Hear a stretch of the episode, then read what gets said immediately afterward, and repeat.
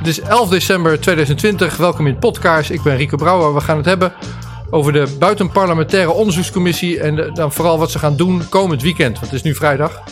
Morgen is het zaterdag. Gaan ze weer beginnen. Nou, op hun website staat dat ze om 12 uur gaan beginnen. Maar volgens mij is dat gejokt. Pedro Kuit, welkom. Ja, goedenavond. Goedenavond. Ja, we nemen dit op op vrijdagavond. Uh, ja. ik, ik hoorde van jou, ja, ik hoor een hoop dingen van jou. Dat je morgenochtend eerder gaat beginnen dan nu op je website staat. Hoe laat gaan we van start? Zondagochtend. Zondagochtend beginnen we eerder om 10 uur. Oh, zondag om 10 uur. om 12 uur. Oké, okay, dus zaterdag om 12 uur. Dankjewel. En zondag om 10 uur. En zondag om 10 uur. Oké. Okay. Ja, we, we, hebben de keus. Wat gaan we doen? Gaan we één filmpje maken of twee filmpjes? Ik vind één filmpje prima. Laten we één filmpje maken voor dit hele weekend.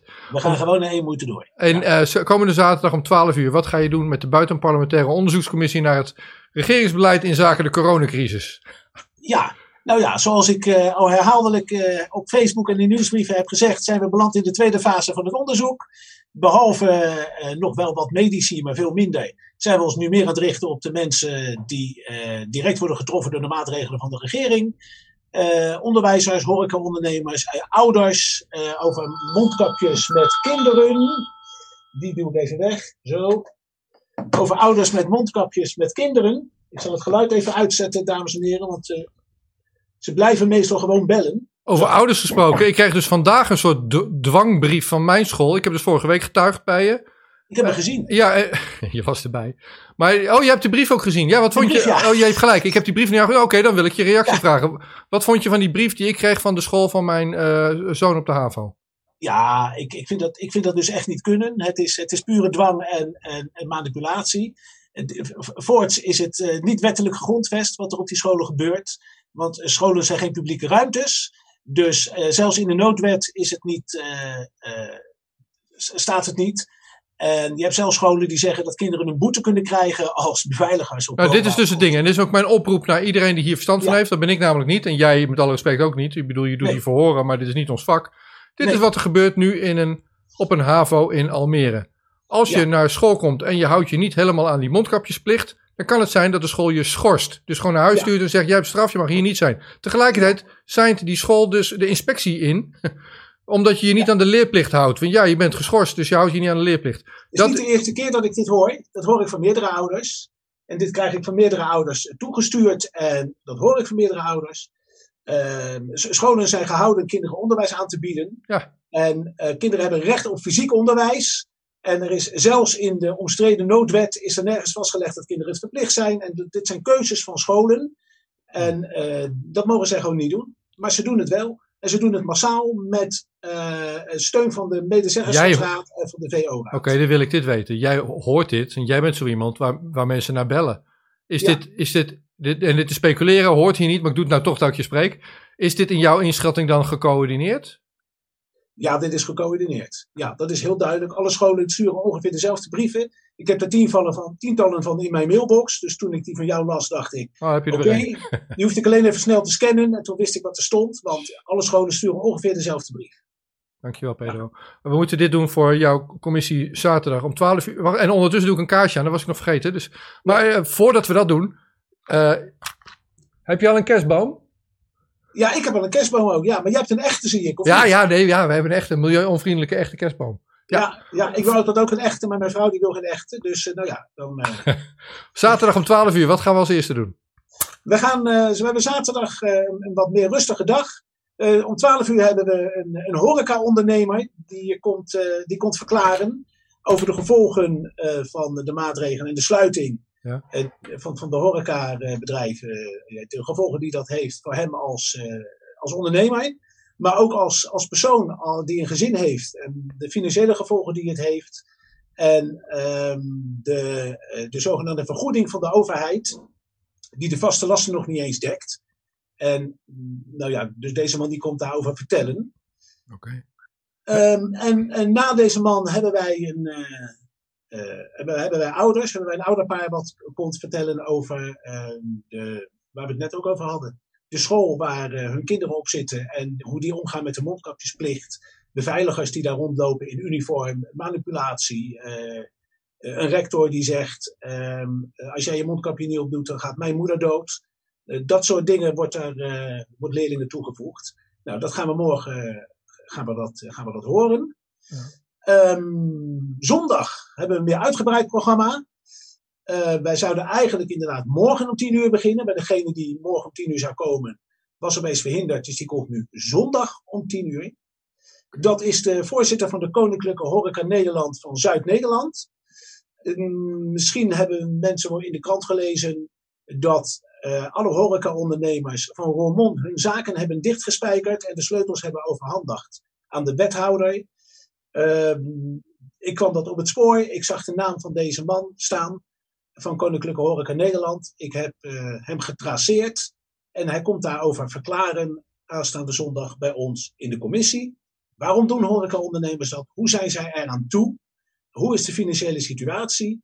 En hoe lang duurt het nog voordat zij de deuren niet meer kunnen openen? Omdat dan bijvoorbeeld de huurbaas het pand heeft geconfiskeerd, of de bank, uh, of dat andere schuldeisers, zoals bierbrouwerijen, beslag hebben gelegd.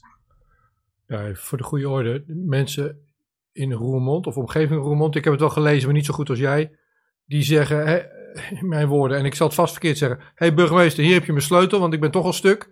Ja. En kijk maar, ik heb het dichtgetimmerd voor je, maar mijn, mijn zaak bestaat niet meer. Of, ja, ik wil graag weer open, maar jij hebt de sleutel in handen. Ja, dat klopt. Ze laten ook zien hoe de, de markt van Roermond eruit ziet zonder horecabedrijven. Nou ja, zo dus, door lakens en hout voor de ramen te maken en um, geen lichtjes meer binnen, helemaal niks. Het gewoon helemaal af te dekken. En dan inderdaad die sleutel af te geven van ja, we hebben toch niks meer aan, hier heb jij de sleutel. En uh, doe er iets aan en geef die sleutel dan weer terug, zodat we weer open kunnen. dus het is een, een, ludieke protestactie van deze ondernemers. Tja, je moet wat. Ja. Alternatief is het. Nee, ik ga niet alternatieven. Oké, dat heb je ervoor gepland. Dus je zondag zat al vol. Wat ga je zondag de rest van de dag doen? De rest van de dag, uh, als, als tweede hebben wij een, een, bekende huisarts. Ik kan zijn naam wel alvast noemen. Dat is uh, Rob Elens, ja. die groot in de kranten heeft gestaan met HCQ. Het middel wat volgens hem, zeker in de eerste fase, wanneer mensen nog milde symptomen hebben, heel goed helpt tegen corona. Het is hem verboden dit middel aan zijn patiënten te geven. Hij heeft dat al meer verteld in interviews en in de krant. Maar we gaan dat nu in een officieel procesverbaal gaan wij dat, uh, gaan wij dat vastleggen, zodat wij daar ook uh, iets mee kunnen. Dus daar komt Rob Elends over vertellen als huisarts. En daarna hebben wij uh, Elke de Klerk. voor mensen die zich erg bezighouden met het protest tegen de maatregelen, is zij wel bekend. Zij is, zij is ook arts, ook huisarts. Zij heeft bijvoorbeeld de World Doctors Alliance, maakt zij deel van uit allemaal internationaal artsen die zich hebben verenigd en een rechtszaak zijn begonnen tegen allerlei overheden om de maatregelen uh, van tafel te krijgen. Dus ze komt daarover vertellen, maar ook wat zij vindt als arts uh, van de maatregelen. Dus dat is wat wij zaterdag en zondag op dit moment voor het programma hebben. Een kleine vooruitblik, waar ik heel blij mee ben, naar volgende week. Volgende week hebben wij de zaterdag helemaal volgepland met docenten die komen verklaren. Er zit zelfs een professor, dokter, ingenieur, een hoogleraar van de TU in Delft zit daarbij. Um, en die komen verklaren hoe het er uh, op school aan toe gaat en wat het met hun als docenten doet. Ik ben er heel blij mee, want wij zijn een zwart boek, audiovisueel zwart boek aan het maken. Uh, waar we alle verklaringen van ouders bij elkaar zetten, maar ook van docenten. Dus daar zitten wij zaterdag de 19e helemaal mee, mee volgepland. Dan ben ik benieuwd, hè? Want ik, ik heb die twee docenten gezien die je vorige keer had. Ja. Dat je nu zaterdag vol zit met docenten. Heeft dat te maken met dat ze gezien hebben die, die gesprekken die je gemaakt hebt? Of hoe gaat ja, dat? Daar heeft het alles mee te maken. Want dan zie je als er. Uh, ja, een schaap over de dam is. ik wou zeggen, als er één schaap over de dam is. Nee, maar het spreekwoord dat gaat... zijn deze mensen dus niet. Nee. Want die verzetten zich tegen de maatregelen. Maar goed, ja, dat heeft daarmee te maken. Ze hebben dat gezien en dat motiveert mensen. Um, mensen, docenten kunnen ook uh, onherkenbaar verklaren. Nou, die eerste twee docenten wilden dat eerst, maar die hebben toen toch besloten dat herkenbaar te doen. En dat stimuleert mensen ook, uh, andere docenten, om herkenbaar te komen verklaren. Ja, en daar zitten hele schrijnende verhalen bij. Uh, en die gaan wij bundelen. Dus heel de volgende zaterdag is volgepland met docenten, de een na de ander. Ja, ik vind dat hoopvol. Ik kan me voorstellen ja. dat in dat torentje er nu een ander soort, ander soort uh, telefoongesprekken gevoerd worden. Maar je, en, en je bedoelt niet, iedereen begrijpt één schaap over de dam, de, de, de beeldspraak. Het heeft niks met, met schapen te maken. Want ik zou eerder zeggen, die mensen zijn moedig. Ik bedoel, ik zie die docenten ja. zitten en ik denk, nou, ik ben wel benieuwd of je niet uh, met de directeur een praatje moet maken naar zo'n getuigenis. Ja. Ik ben benieuwd hoe dat gaat. Ja. Maar oh, dus, dus moedig, uh, schapen in de moedige zin van het woord. Ja. Kon niet goed hebben woord. Wacht even, wacht even. Er komt, er komt een vraag. Er komt een vraag. Ja. Want um, een andere vakgroep waar jij mensen voor hebt gevonden, of die jou hebben benaderd, of hoe dat ook maar ging, zijn zowel journalisten als politieagenten. Ja. Vertel, wat kan je daar nu al over vertellen? Nou, daar kan ik over vertellen dat ik, uh, uh, naar aanleiding van een filmpje wat ik op Facebook zag over een arrestatie in een winkelcentrum in Nunspeet, van iemand die het mondkapje niet droeg en het geweld waarbij dat gepaard, waarmee dat gepaard ging. Uh, toen heb ik gedacht van nou, hoe daarover werd bericht door de journalisten, dat vond ik zeer eenzijdig. En ik zag die agenten dat doen en ik vroeg mij af, ja, wat doet dat met zo'n agent, dat je zo'n jongen moet arresteren? En toen heb ik geheel spontaan een nieuwsbrief gemaakt en ook op Facebook gezet. En journalisten en agenten opgeroepen die wilden verklaren. Agenten die bijvoorbeeld in gewetensnood kwamen omdat ze dit soort dingen moesten doen. En mensen die geen anderhalve meter houden of geen mondkapje dragen. Gewoon eerzame burgers, om het zo maar te zeggen. Die op die manier gearresteerd worden. En journalisten van kunnen jullie wel berichten wat je wilt berichten. Dus ik heb dat uh, op Facebook en in de nieuwsbrief gezet zonder veel verwachtingen. Ik dacht, maar ik kan het altijd doen. En um, de reacties die komen massaal binnen. Tot vanochtend nog toen ik in de auto zat, uh, ben ik drie keer gebeld. Twee journalisten en weer een agent erbij die willen verklaren. En er zitten ook, en dat vind ik, dat vind ik heel erg hoopvol, uh, zelfs een aantal agenten bij die dat vol voor de camera willen doen. De journalisten doen het allemaal zo voor de camera. Uh, er is één agent die, die, die twijfelt nog, want die is bang dat hij dan zijn werk kwijtraakt. En vanochtend had ik een agent die zegt: uh, Ik ben 58, ik zit al 30 jaar bij de politie. Als ze me willen ontslaan, doen, doen ze het mij. Maar hier ben ik 30 jaar geleden niet voor bij de politie gegaan. En we hebben met alle agenten afgesproken dat zij in uniform komen. dus zij worden, zij worden, in uniform worden zij uh, uh, gefilmd en, en gehoord. Dat iedereen ook echt kan zien: dit zijn, dit zijn echte agenten. Ze laten wel hun wapen thuis, want dat mogen ze niet zo meenemen in hun vrije tijd. Nee, maar ze mogen wel in uniform lopen, dus dat, dat komen zij ook doen. Um, dus wij zijn zeer hoopvol dat dit heel veel los gaat maken. Jezus, Pedro.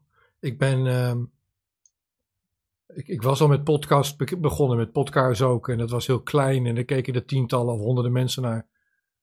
En ik, ik had een paar interviews gemaakt met klokkenluiders. En ook die grote klokkenluiders van de NSA en de CIA. Maar ja, wie is Rico en wat is podcast nou helemaal? Dus dat is dan 200 keer bekeken of zo heb je de grote NSA klokkenluider. En toen dacht ik samen met, uh, met een, een, dame uit Canada, zullen we daar een boek over schrijven? Want we kennen ze allebei. En elke klokkenluider zijn eigen hoofdstuk. En dan, en dan maken we een interview. En dan is dat interview is het hoofdstuk. En, ja. het, en het boekje dat schiet al aardig op. En elke keer als ik zo, zo iemand spreek, dan denk ik, jezus, wat moedig. En wat een hoop geeft dat mensen dat doen. En jij hebt ze gewoon lined up gewoon. Want dat is eigenlijk wat ze doen. Maar wanneer kunnen we dat zien dan? Is dat dit jaar nog? Of hoe, hoe gaat dat? Nee, nee, nee. Dat, dat gaan wij in de, in de weekenden van 2 en 9 januari plannen wij vol met journalisten en agenten.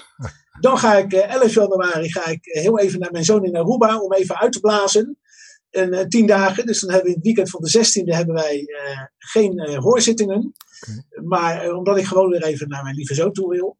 want ik ben hier fulltime mee bezig, kan ik iedereen zeggen. Elke dag fulltime. Ik heb vandaag heel de dag met twee advocaten in Rotterdam gezeten. Dus ik ben hier fulltime mee bezig. Uh, maar dat gaan we in de weekenden van 2 en 9 januari doen. Ik heb de mensen al ingedeeld, die komen, die gaan hun verklaringen op papier zetten. Ik kreeg vandaag de eerste verklaring al binnen. En dan heb ik een brok in mijn keel als ik een verklaring van zo'n agent lees. Ja. Die zegt, ik moet zo iemand wel in de houtgreep nemen, want dat verwachten mijn collega's. En je hebt het er niet over dat je dat niet wilt. Dus misschien wil mijn collega dat ook wel niet. Want als je niet meedoet, word je aangekeken, hey, ben jij soms, uh, uh, wat is er met jou? Um, dus dan word je al gelijk aangekeken. En ik kan je zeggen dat ik vanochtend werd gebeld door die man van 58. En die heeft mij verteld hoe ze gebriefd worden aan het begin van hun dienst. Uh, hij kwam gisteren, kwam die, had hij een vroege dienst. Kwam die om, om je moet niet te veel vertellen, hè? Als het privé. Oh, wacht even. Als het, als het vertrouwelijk is, dan vertel je ook allemaal dingen die hij leiden naar. Hij gaat dit in de verklaring. Hij gaat dit verklaren. Oké, okay, maar goed. Ik wat maar zeggen. Dus ik noem geen namen nog van deze nee. man. Maar in ieder geval, hij, hij, de mensen worden, de agenten worden daar gebriefd, s ochtends. Ja. Dan, uh, stel dat ze een patrouille hebben bij een winkelcentrum, dan cirkelt die auto om dat winkelcentrum heen, waar ook boa's lopen. Is er iemand in een winkel zonder mondkapje, dan ben je niet in een publieke ruimte. Dus daar kun je, kunnen ze een mondkapje niet verplichten in een winkel. Dat, dat kan niet voor oh, Rutte, Van Rutte hoor ik toch andere verhalen? Ja, maar meneer Rutte die heeft het mis. Oh. En die weet ook dat hij het mis heeft. We horen natuurlijk heel veel van Rutte. Maar die politieagent zei dit tegen jou, dat hij het mis heeft? Ja. Oké. Okay. Ja, dus een winkel is geen publieke ruimte. Dus daar kunnen ze je mondkapje niet verplichten. Behalve als de winkeleigenaar zegt: Ik wil dat jij een mondkapje draagt. Ja. Dan moet je dat dragen. En doe je dat niet, dan mag hij je de winkel uitzetten. Ga je dan niet, dan is het huisvredebreuk. Dan Precies. krijg je een bekeuring voor huisvredebreuk. Maar niet voor dat mondkapje. Ja, maar dat vind ik oké. Dat is goed. Ja.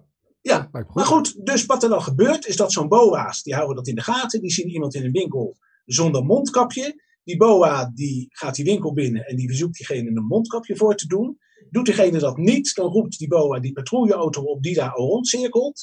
Ze rijden dan de winkelstraat in, want dat geeft een hoop bekijks. Zo worden ze gebriefd. Ja. Rij met je politieauto het voetgangersgebied in.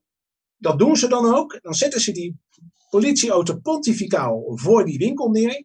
En dan gaan zij die winkel binnen. Ehm, zij sommeren diegene, ze vorderen dat diegene het mondkapje opdoet. Dat kunnen ze helemaal niet doen, wettelijk. Eh, maar ze doen het wel. Diegene doet dat dan niet. Die wordt dan aangehouden. In de volksmond gearresteerd. Hè. Dan word je eh, aangehouden. Dan moeten ze hem boeien. Ze moeten diegene boeien. Ook al biedt hij geen tegenstand. Met handboeien achter in de auto. Zodat diegene met de handen op de rug zit. En daardoor niet makkelijk zit. Dat is intimidatie. Maar wij- wij- stop, stop, stop. Ja, dit moet even duidelijk zijn. Jij Ja. zegt dat jij dit hebt gehoord van een politieagent die zegt: Zo word ik, zocht- zo word ik, die jou vanochtend, wat is het nou? 11 december belde en zegt: Zo word ik ochtends geïnstrueerd. Ja, ik was op weg naar Rotterdam voor mijn afspraak bij twee advocaten. Dus dat was, eh, ik moest om 11 uur zijn. Rond half elf werd ik gebeld in de auto. Ja, oké. Die mensen worden geïnstrueerd. Die mensen worden meegenomen naar het bureau die, die, die, die, die ze dan hebben aangehouden. Die worden niet verhoord. Die worden in, een, eh, in zo'n tijdelijke cel gezet waar je dan niet s'nachts zit. Hè, maar dat zijn een soort kamertjes waar je dan in gezet wordt. En dan laten ze diegene, ze mogen diegene drie uur zonder te verhoren vasthouden volgens de wet. En dan laat ze hem weer gaan. En dan laten ze na drie uur diegene gaan met een proces verbaal. Oh, dat En diegene die weet niet dat hij, als hij naar de rechter gaat met het proces verbaal, dat hij zijn boete niet hoeft te betalen. Want hij heeft een boete gekregen dat hij geen mondkapje droeg in een winkel. Terwijl het in een winkel niet verplicht te stellen is. Dus elke rechter kan niet anders dan dat afschieten. Maar mensen betalen dat ook gewoon. Dus zij betalen een illegale boete. Maar ik wil nog even, dit moet duidelijk zijn. Ik heb wel eens op mijn kop gekregen dat ik te makkelijk mensen aan het woord laat en dan, dan maar dat laat Ja. gaan. Nou ja, Wat- jij nu zegt, is- nee, nee, wacht even. Wat jij nu zegt is, dit heb ik gehoord van een agent, die is op deze Ja. manier gebriefd en die agent heeft gehoord in een winkel, geldtechnisch gezien, voor de wet gezien, die mondkapjesplicht niet. Dat is wat je zegt. Nee. Want een winkel is geen publieke ruimte. Er is ook jurisprudentie over van een aantal jaren geleden. Waar een uitspraak is van een rechter. Kan iedereen zoeken. Zoek maar op jurisprudentie, winkel, publieke ruimte. Google er maar op. Dan kom je op rechtspraak.nl. Waar een rechter heeft uitgesproken tot in de, in de hoogste instantie dat een winkel geen publieke ruimte is. Die winkel is van die winkeleigenaar, is geen publieke ruimte. Een eigenaar kan jou ook gewoon uit weigeren in zijn winkel. Die heeft eigen regels in die winkel, omdat het een, geen publieke ruimte is. Ehm Oké, Mondkapjes even zijn verplicht in publieke ruimtes, dus niet in winkels. duidelijk. Eh, nou, tot zover dat. En eh, als er nog journalisten zijn die opletten op vrijdagavond of, wanneer we dit maar online zetten en denken, goh, daar duik ik eens in. Nou, goed idee. Ik bedoel, Ja. je, je, je hebt volgens mij de alleenverkoop met dit artikel, want ik heb er nog niet over gehoord in Nederland. Dus Ja. dat lijkt me een mooie scoop. Ja. Eh, Pedro, je refereert al een paar keer aan twee eh, advocaten. Je moet even vertellen dan erbij in welke context je die advocaten gesproken hebt. Ehm, nou, zoals misschien iedereen is opgevallen, doe ik op dit moment zelf te verhoren. Ik blijf dat ook doen. Maar waar wij eerst natuurlijk een, een oud advocaat hadden, eh, die, die om, om zijn moverende en ons moverende redenen, waar ik mij niet over uitlaat, maar die zijn Maakt helemaal niet niet zo ernstig.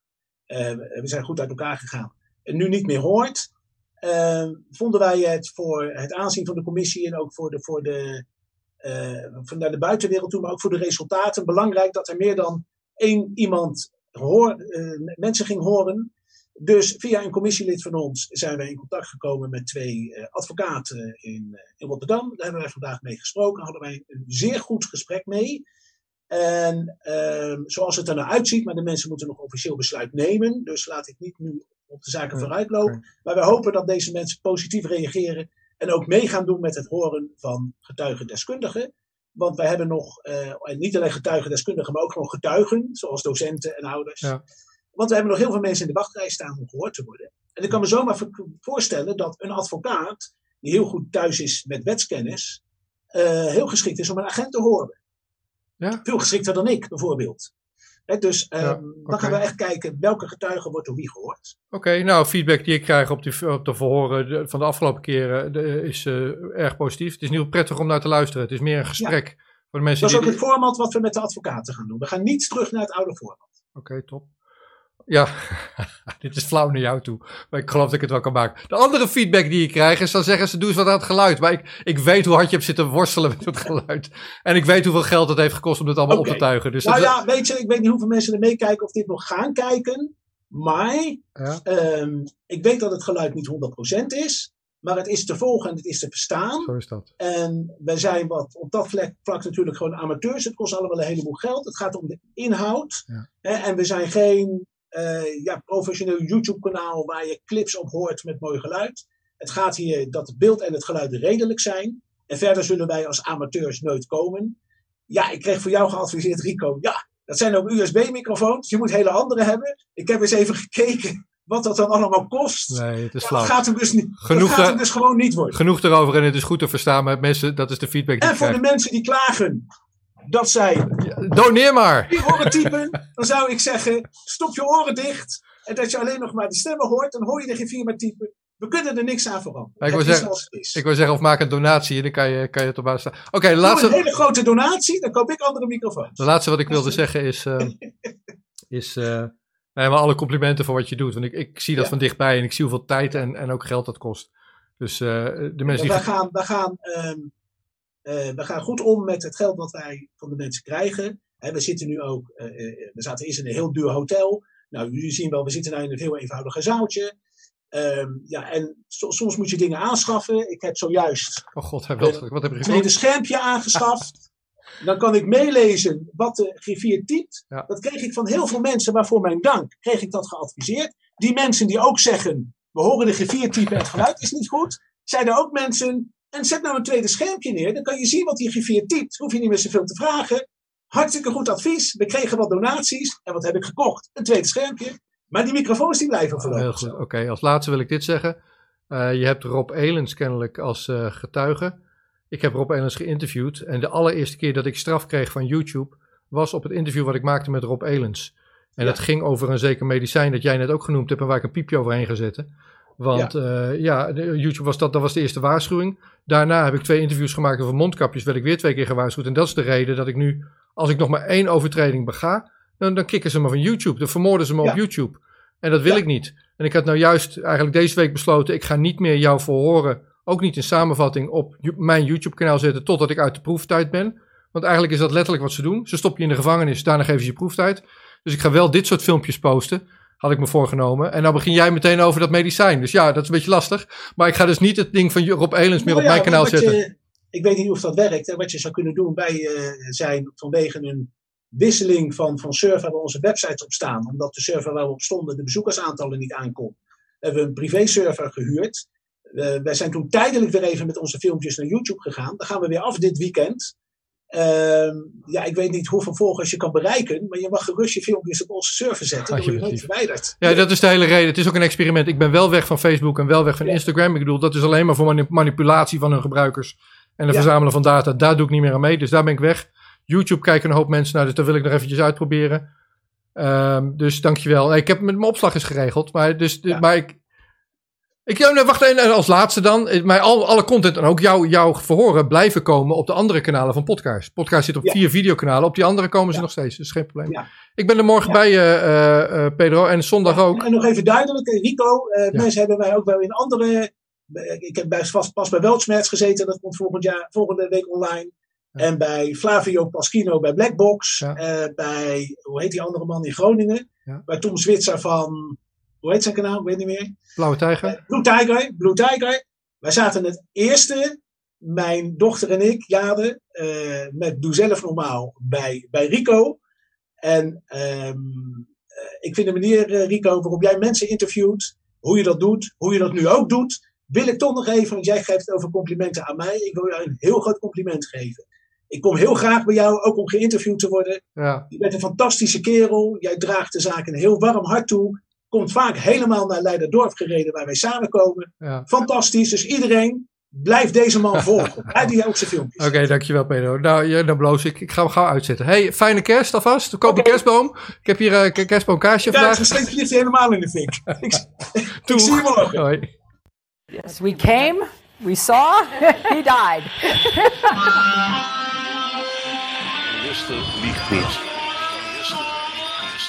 Every nation in every region now has a decision to make. Decision to make. Decision to make.